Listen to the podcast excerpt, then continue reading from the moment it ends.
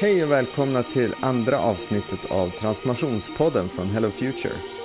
Idag kommer Per Lundgren och Kalle Jägers att dyka lite djupare i treboxmodellen. Idag i Transformationspodden så ska det handla om en modell som är bra för alla som vill jobba med innovation och inte minst offentliga verksamheter. Eh, och sen ska vi prata lite grann om hur offentliga verksamheter kan använda den här modellen konkret. Och då ska jag börja då med att hälsa dig, Kalle Jägers, välkommen. Tack, tack. Du är ju metodstark eh, och har någon sorts akademisk bakgrund. Berätta lite om eh, vart den här metodstyrkan kommer ifrån. Ja, precis. Jo, jag höll ju på ett antal år, eh, forskade och undervisade inom eh, ett område som heter informatik. Jag var på Umeå universitet Eh, alldeles för länge höll jag på att säga, men det var det inte. Det var fantastiskt bra år där. Eh, jag har alltid haft någon slags sådär intresse för metodik och liksom eh, den typen av ska man säga, sätt att förhålla sig till världen låter jävligt pretentiöst, men det, jag, gillar, jag gillar metoder. Liksom. Jag gillar när man kan mm. någonstans renodla, hitta kärnan i, i vad man gör när någonting blir bra och sen göra en metod av det. Eh, och det var väl det som någonstans fick mig att bli kvar i den akademiska världen under ja, jag hann ju med rätt många år eh, på Umeå universitet. Som sagt, eh, jag vet inte riktigt hur mycket jag ska gå in på den biten, den är inte jätteunderhållande kanske. Ja, det, det bygger upp någon sorts eh, patos i alla fall. Men vad gör du idag på Hello Future då? Jo, idag så är jag ju ansvarig för det vi kallar för insikter och användarforskning. Det är en ganska bred titel ett ganska flummigt uppdrag kan man väl säga. Det, dels så bedriver jag en del seniorkonsulting i projekt. Eh, där vi har liksom kanske de lite mer utmanande projekten rent sådär process och metodmässigt. Eh, och dels jobbar jag med våran liksom, interna eh, metod och modellutveckling och ser till att vi någonstans att kvalitetssäkra de metoder vi använder oss av och se till att vi liksom har utveckling där inom det området. Eh, men även att se till att förpacka och bidra till den processen när vi liksom vi skapar rätt mycket ny kunskap i många av våra projekt. Eh, I och med att digital mm. transformation är ett sånt område där liksom praktiken ligger kanske något steg före forskningen liksom, när det gäller vart man är i fronten. Det gör ju att väldigt mycket av det vi liksom, kunskapsmässigt bygger upp är sånt som som vi bör dela med andra liksom, för att föra området framåt. Mm. Så där har jag också en, en viktig uppgift, tycker jag i alla fall. Ja. och liksom eh, bidra till att vi förpackar den kunskap vi, vi skapar på ett vettigt sätt så vi kan kommunicera det till andra. Sen är inte det någon soloprocess, liksom. det är inget så här, ensamt uppfinnar-geni som sitter i någon verkstad och liksom, labbar fram saker, utan det är, vi jobbar ju kollektivt runt de här sakerna. Så att i princip alla de modeller vi utvecklar själva är ju liksom ett, ett kollektivt jobb där, där jag har haft en uppgift men där vi liksom har förlitat oss på fler människor. Mm. Ja, och vi kanske kommer tillbaka till någon av de här modellerna som, som du och ni har, har utvecklat själva. Men idag ska vi prata om en modell som, som eh, är vedertagen så att säga. Eh, introducera gärna lyssnaren mm. till den här modellen som heter The Three Box eh, Solution.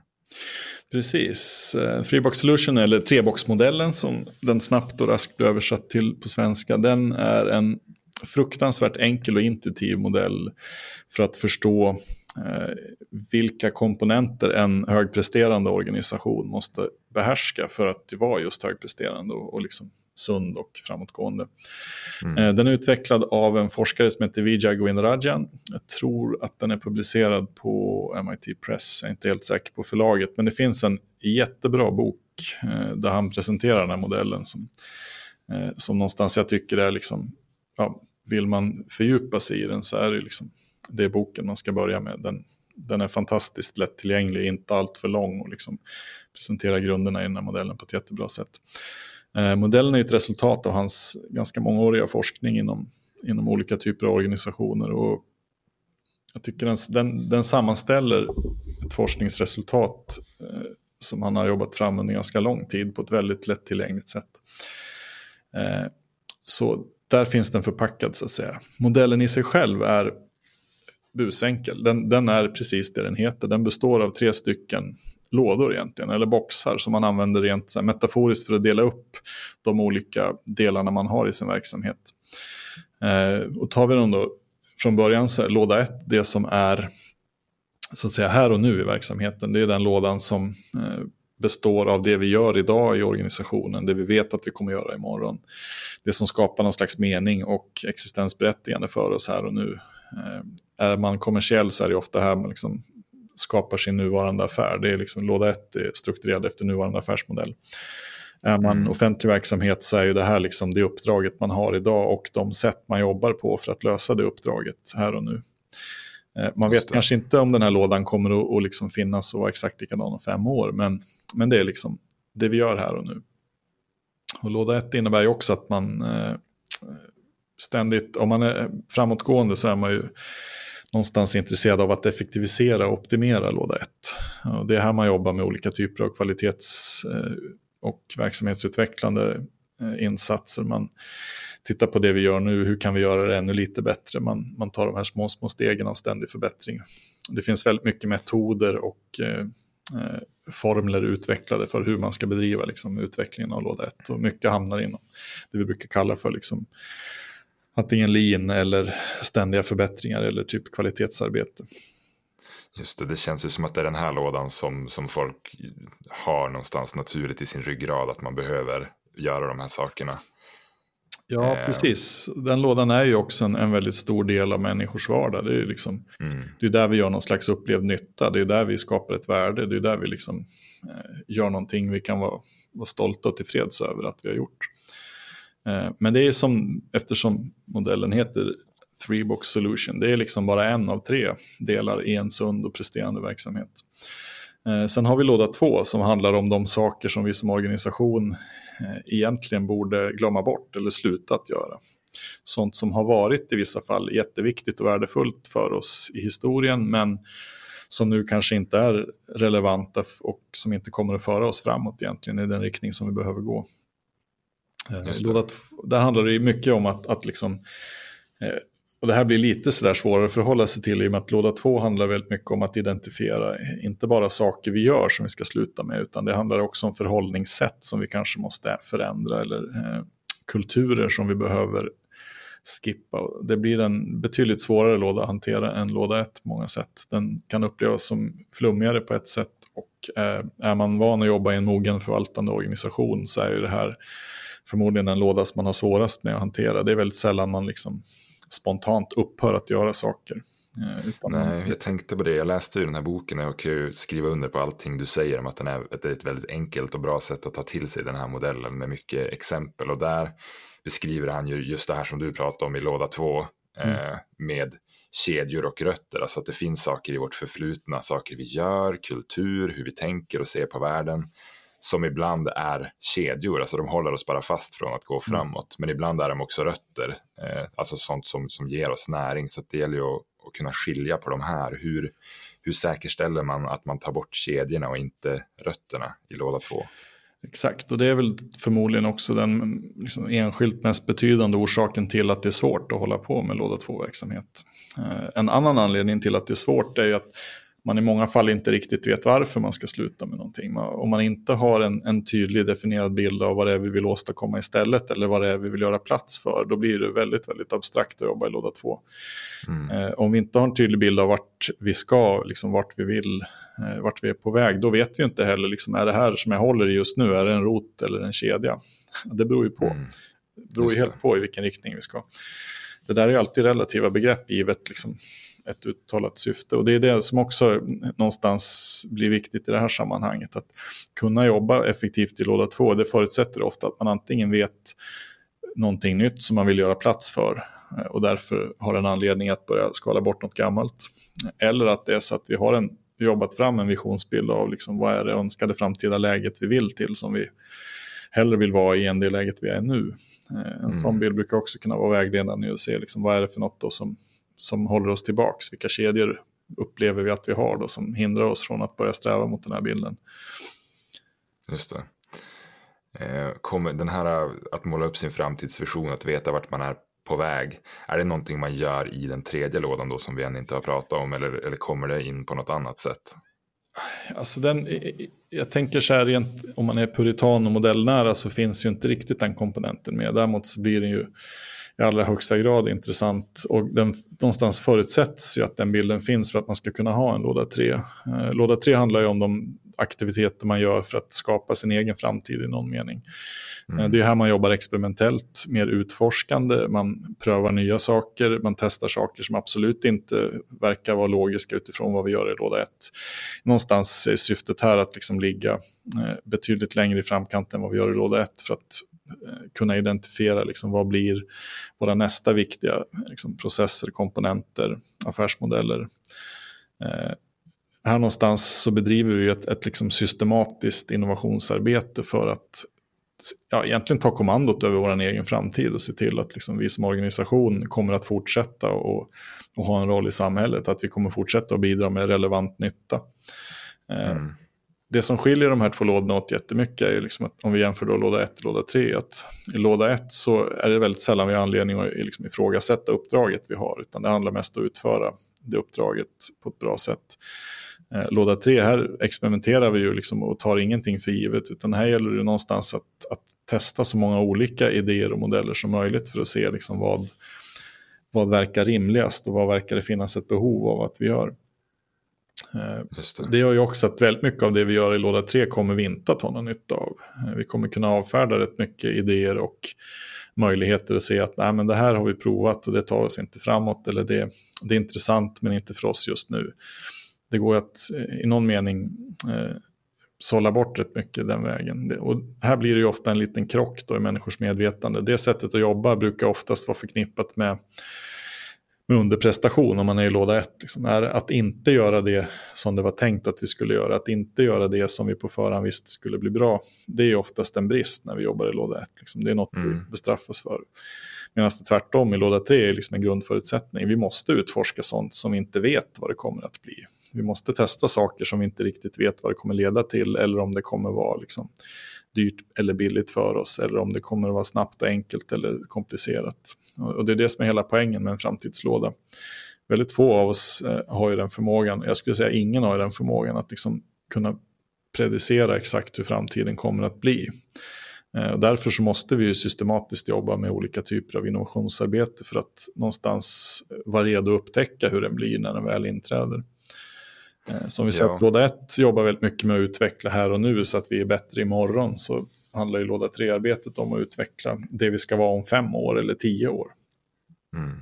Jag tyckte att det fanns ett par bra exempel som illustrerar just vikten av att ha en egen låda för det här med ja, vad ska vi göra i framtiden och att kunna jobba med innovation utan att, att det på något vis ska, att man ska få dåligt samvete för att man vågar prova saker som inte funkar eller som inte kommer att funka. Och då var det ju någon, på något företag hade man till och med inrett en del av kontoret mm. eh, som just låda 3 och skrivit låda 3 stort över dörren så att folk skulle veta att när vi kommer in här, då handlar det inte om att göra saker som funkar idag, utan här experimenterar vi. Här ska vi uppfinna vår framtid.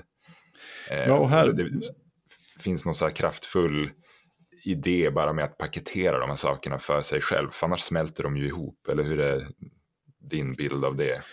Ja, det, det du är inne på nu är ju det jag tycker är en av de kanske största utmaningarna för mogna organisationer som håller på med förvaltning. Och det finns ju jättemånga sådana inom offentlig sektor. Det finns ju även inom privata sektorn. Men, men jag tycker mig se det, det är ganska tydligt att liksom offentlig sektor har i många fall inte riktigt eh, den förmågan att dela upp de här sakerna. Man har antingen en tendens att lägga på samma krav ungefär på sina låda 3-aktiviteter som man lägger på sina låda 1. Nämligen att vi ska kunna förutse, när vi nu ger oss in i det här experimentet så vill vi ha en beräkning på liksom vilken kostnadsbesparing kommer det här att leda till. Eh, vilken typ av eh, konsekvensanalys kan vi göra? Vad kommer det här att, att liksom leda till? Vad kommer det att bli? Man försöker liksom planera sig fram till ett resultat mm. i en process som bygger på utforskande där vi liksom omöjligen kan känna till ett resultat. Eh, och där har vi en karaktärsskillnad mellan låda 3 och låda 1. Liksom att låda 3-processer måste vara, egentligen de påminner ganska mycket om den vetenskapliga processen. Man formar någon slags teori och hypotes, man går ut och testar om den håller, om man har rätt. Man gör någon prototyp, man utvärderar, man gör något försök. Man lär sig av det och ser liksom, okej, okay, hur rätt ute var vi med den här teorin? Vad var det som stämde, vad var det som inte stämde och så vidare. Sen kör vi ett varv till och ser vart tar vi den här kunskapen i nästa steg. Mm. Och det här är ju egentligen rakt emot vad man försöker göra i en välstrukturerad mogen låda 1, liksom, där allting bygger på att man planerar. Man planerar fram, det är det här vi ser att vi behöver göra, vi planerar hur vi ska göra det och sen utför vi det. Och där blir avvikelser ifrån den planeringen, det blir ett problem i låda 1. Medan mm. någonstans det man ser som en bild och en avvikelse i den lådan är ju det som egentligen är essensen och kärnan i låda 3. Det är ju just där det inträffar något intressant. Det är där man upptäcker någonting nytt. Det är där man liksom skapar en ny kunskap. Och det här gör ju att det blir, det blir jättesvårt. Många offentliga organisationer har ju någon slags ryggradsreflex att bedöma sina låda 3-aktiviteter på samma sätt som man bedömer sina låda 1.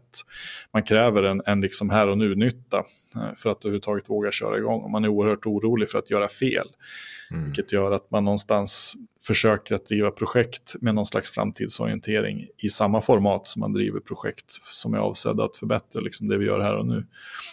Eh, men det är inte sagt att man ska sluta och förbättra saker i låda 1. Man ska självklart fortsätta att jobba med verksamhetsutveckling och med ständig förbättring där för att någonstans öka effektiviteten i det man gör och förbättra kvaliteten i det man gör. Mm. Men det blir livsfarligt när man tror att det arbetet kommer att leda en eh, mot den framtidsbild man vill. Det, det, är inte alls någon garanti för att det kommer att, att vara värdefullt om fem år. Nej. Huruvida vi kommer att ha någon framtid som, som organisation, det måste vi någonstans ta ansvar för att, att innovera fram själva och i vår egen låda 3. Om man nu sitter och lyssnar på det här och tänker att ja, sådana här modeller är intressanta, men de kanske är mer intressanta för typ ett privat företag eller en startup i Stockholm eller Umeå eller Skellefteå eller någonstans. Varför är det så viktigt att även offentlig sektor börjar innovera? Jag tror att det är en jättebrist att väldigt många offentliga myndigheter och organisationer, ja, vad det nu må vara, inte riktigt har byggt upp någon låda 3. Och det, den stora bristen i det, det som är livsfarligt just nu, är att tanke på den gigantiska samhällsomvälvande förändring som vi lever med just nu, Eh, det som vi brukar prata om som digitalisering och det som föranleder att många organisationer pratar om liksom, att leda i digital transformation och att man någonstans börjar prata om att man ska göra en digital transformation. Eh, alla organisationer som är mogna, det vill säga att man fanns före vi liksom började se de här effekterna, eh, brottas ju med att, att någonstans försöka genomföra sin transformation. Och det innebär att det finns ingen annan aktör i samhället just nu som tar ansvar för den innovationsutveckling som exempelvis svenska kommuner behöver göra. Eh, mm. Det kommer inte att komma liksom en färdig lösning från SKL eller från någon annan. Det kommer inte att liksom vara någonting som staten tar hand om åt den och kommer med rekommendationer, utan det, man måste i någon mening forma de verksamheterna själva. Eh, och anledningen till det, den stora anledningen till det är liksom att människor kommer att förändra sitt beteende ganska snabbt framöver. Vi kommer hamna i ett, där vi redan egentligen ser att vi är, i ett tillstånd av ständig förändring. Mm. Det innebär också att vi kommer inte att kunna hitta en ny modell som blir svensk standardmodell för hur kommuner ska agera och sen ska alla in i den och det kommer att bli bra om alla tar sig dit. Utan beroende på hur stor man är som kommun, var någonstans i Sverige man finns, hur ens invånarbas ser ut, så kommer man att möta ganska olika förutsättningar. Och det innebär att det enda gemensamma som kommer att bli exempelvis mellan kommunerna, som jag ser det, det är ju att man kommer att behöva jobba eh, med en låda 3 oavsett hur liten eller stor man är. Man kommer att behöva anpassa den efter sina förutsättningar, men man kommer också att till slut stå kvar med ansvaret för sin egen framtidsutveckling. Det finns ingen annan som tar det just nu. Mm. Mm. Hur, om man nu lyssnar på det här och känner att det här verkar intressant men sen kan, kan det ju finnas den här rädslan lite grann att det är svårt att, att rent konkret komma igång och jobba med den här typen av modeller. Hur kan det se ut från det att man kontaktar exempelvis dig då, Kalle, och vill ha hjälp med att komma igång med det här arbetet? Hur kan det se ut steg för steg och är det hur pass lätt eller svårt brukar, du, brukar det vara enligt din erfarenhet att få folk att, att förstå nyttan med det här och faktiskt också börja arbeta enligt de här tre lådorna? Jag tror att det enkla första steget är att dra iväg ett mejl till kalle.hellofuture.se eh, så får vi ta ett snack om liksom vilka just era förutsättningar är, om det finns någon fråga eller något som vi behöver prata vidare om. Jag tror att i väldigt många fall så är det ganska enkelt att komma igång och göra en analys. De allra flesta som eh, jag har stött på som har fått metoden förklarat för sig sätter i regel igång med sin egen självanalys liksom bara ett par minuter efter man har tystnat. Och det är också det fina med den här metoden. Den är fruktansvärt, eller den här modellen rättare sagt, den är fruktansvärt eh, intuitiv. Det är väldigt lätt att börja analysera den organisation jag själv känner till och befinner mig i utifrån den här. Att börja sortera saker i lådor. Eh, mm. Sen kan man göra det lite mer systematiskt. Det går ju att eh, exempelvis i eh, slags workshop-format jobba fram en mer liksom strukturerad treboxanalys för vår verksamhet. Och det, det går ju också liksom beroende på vart man är så kan den typen av, av, kartläggning också bli lite mer komplex beroende på hur stor organisationen är och hur, hur stora delar man vill kartlägga. Men kärnverksamheten brukar i regel gå att, att få en ganska tydlig bild av relativt snabbt med den här modellen. Eh, mm. Så det är också ett steg som vi har gjort rätt mycket de sista åren. ja, men vi börjar med att göra en, en enkel treboxanalys eh, givet det vi vet om den organisation som, som vi är i så att säga. Eh, sen går det att jobba vidare, men det vi hjälper många organisationer med just nu är just att, att sätta igång och skapa någon slags förutsättning för att ha en vettig låda 3. Och då krävs det i regel att man både sätter upp en visionsbild, ett framtidsmål. Det är hit vi vill, det är därför som vi vill utvecklas. Därför är vi inte riktigt är nöjda med exakt vart vi är idag. Eh, när den mm. bilden finns på plats så går det att, tydligare se också, okej okay, vad är det vi behöver göra i låda 3 för att börja ta oss hit. Eh, det måste också finnas en slags landningsbana när vi nu har till slut hittat någonting med hjälp av låda 3-arbete som vi faktiskt ser att det här håller, det är något vi borde göra. Det kan vara en ny tjänst mot invånarna eller det kan vara ett nytt arbetssätt vi borde implementera. Eh, ja, då, då, måste det finnas ett sätt liksom att implementera det i låda 1. Det måste finnas någon slags landningsbana och mottagligheter. Eh, och allting det här grundar sig i människors förståelse. Det behöver finnas en kunskap, en grundkunskap och en grundberedskap i organisationen så att man inte står där jätteförvånad när någon helt plötsligt dyker upp en dag och, och ja, nu har vi utvecklat en tjänst för er på eh, socialverksamheten. Nu kommer ni, alla ni som jobbar liksom inom, eh, inom äldreomsorgen, ni kommer att jobba med den här lösningen som vi har forskat fram. Menar, det, det, kan inte få komma som en liksom blixt från klar himmel. Det, det, måste finnas den typen av, av landningsbanor och grundförståelse som gör att man förstår varifrån det här kommer. Att man kanske har varit delaktig i vissa processer också som har utvecklat de här lösningarna. Eh, det är också superviktigt för att få en hållbarhet i det. Men det som mm. många brottas med just nu och som vi lägger mycket tid på det är att börja bygga låda 3. Det är i regel någonting som man inte är särskilt van vid att göra och det är något som många har eftersatt. Eh, och det ser vi även inom privata sektorn. Det är väldigt många svenska, framförallt producerande industriföretag har varit otroligt duktiga på att jobba med lean, Six Sigma och olika modeller för att skala bort onödigt. Det de sitter med idag i många fall är liksom att en nästan anorektisk organisation. Det finns ingen som har en minut över att jobba med någonting annat än produktionsmålet vi har för idag. Mm. Det där med att börja prata om då framtids eh, låda och liksom låda tre-verksamhet. liksom, man tittar ju bara på varandra, vem 17 ska ha möjlighet att ta tag i det. Mm. Det är en jätteutmaning. Vi, vi har varit lite för bra på att effektivisera bort utrymme i organisationen som vi kanske hade behövt nu idag för att liksom, ännu tydligare kunna jobba med innovationsarbete. Om man känner nu när man har lyssnat på Transformationspodden att man vill ta till sig den här modellen. Eh, du rekommenderar den här boken, det har du sagt. Och sen vet jag att vi har skrivit ett eh, blogginlägg på hellofuture.se. Annars kan man helt enkelt kontakta dig då, Kalle, på kalle.hellofuture.se för att prata mer om sina förutsättningar att, att föra in det här och börja arbeta enligt det här sättet. Absolut. Eh, Stort tack till dig då, Kalle, som har varit med och jag har en känsla av att vi kommer att fortsätta göra avsnitt tillsammans framöver runt, runt fler modeller. Det låter bra tycker jag. Jag älskar att prata om modeller. Det märks, det märks. Eh, ja, men tack för idag, Kalle. Vi, vi hörs framöver. Tack själv.